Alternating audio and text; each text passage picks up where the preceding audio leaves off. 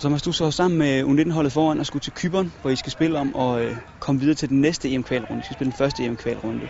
Hvad kan vi forvente af de tre kampe, vi skal ned og spille? Jamen, øh, tre kampe med hver sit liv. Øh, tre kampe, hvor vi som udgangspunkt er favoritter til at vinde øh, hver enkelt kamp. Men også tre kampe, som øh, hver enkelt kan blive lidt, lidt vanskeligt. Altså Kyberen, hjemmebane, 25 grader, dygtige boldspillere. Montenegro, øh, Balkanland har lige spillet lige op med Serbien, som vi også lige har mødt.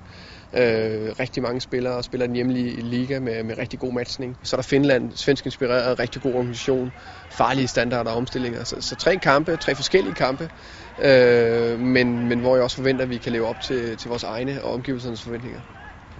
Så det du siger er sådan set, at hvis I spiller op til jeres bedste, så får I også makspoint og bliver seedet til næste runde af kvalen. ja, hvis vi rammer vores niveau over seks kampe, og det hele det klikker, øh, så forventer jeg det. Ja, det gør jeg. Nu er det jo så ved at være længe siden, at Danmark har haft et, øh, et hold med til en U19-slutrunde. Faktisk helt tilbage i 2001. Men man siger overgang 94, som du har med den her gang, er en af de mest talentfulde.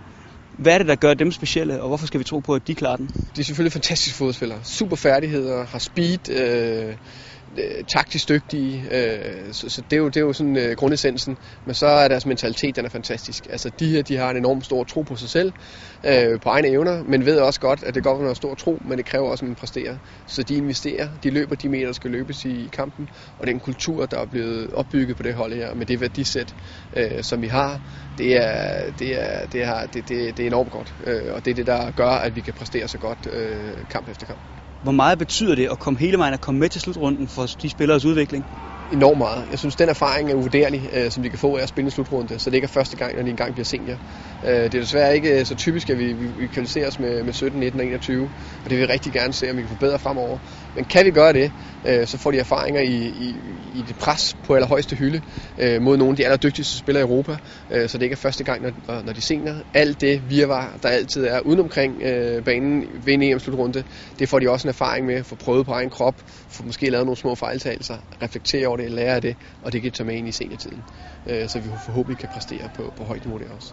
Normalt siger man jo, at der er sådan cirka 1-3 spillere for en årgang, der bliver A-landsholdsspillere. Men når den her er så talentfuld, hvor meget kan vi forvente af den? Jeg vil sige 3-6. Øh, det, det, er, det er mit bud, jeg vil sige. Og så måske 1-2 er, er topspillere. Det er altid svært at vurdere, hvad, hvad en A-landsholdsspiller, om det er en kamp, eller det er 10 kampe, eller det er stamspiller. Men mellem 3-6, øh, det, det tror jeg på, at vi kan, vi kan få ud af det her. Selvom der er lang vej nu for dem.